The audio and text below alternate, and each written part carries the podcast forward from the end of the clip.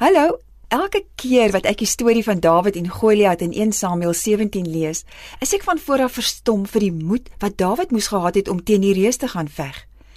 Onthou, hy was 'n plaasoutjie, 'n skaapwagter wat niks van oorlog afgeweet het nie. Hy het maar net vir sy broers kos weggeneem waar hulle gereed gestaan het vir die groot geveg teen die Filistyne. Dit was nie sy plek of besigheid om enigsins in 'n geveg betrokke te raak nie.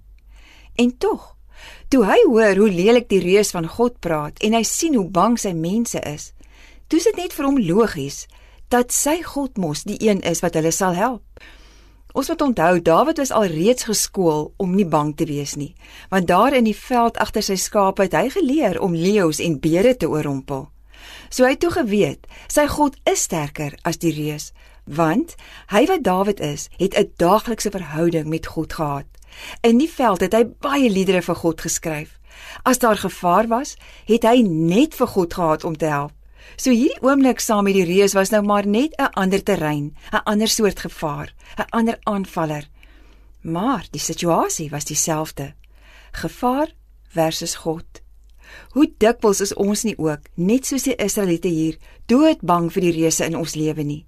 Dinge soos die ernstige siekte, die werkloosheid, droogte, verslawing, mishandeling, armoede.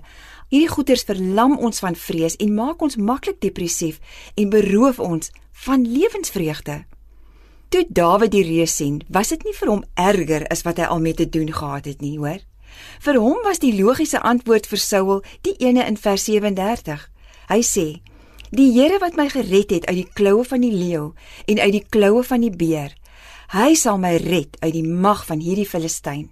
En toe later sê hy vir Goliat in vers 45: Jy kom na my toe met 'n dolk en 'n spies en 'n swaard, maar ek kom na jou toe in die naam van die Here die Almagtige, die God van die linies van Israel wat jy verkleineer het. Waagmoed ja, maar baie duidelik ook iemand wat die selfvertroue het omdat hy daagliks die pad met God loop. Hy het geweet hy kon op God staat maak. Hy het onthou hoe God hom in die verlede gehelp het en hy het nie probeer om vir sy eie eer hier te veg nie. Vir hom het dit alles oor God gegaan. Kom ons bid saam. Here, ek bely dat ek niks uit my eie krag en insig kan doen nie. Daarom gee ek U vandag al die lof en eer wat U toekom. Ag Here, maar help my asseblief teen die reuse in my lewe. Maak my sterk, gee my selfvertroue, gee my waagmoed. Amen.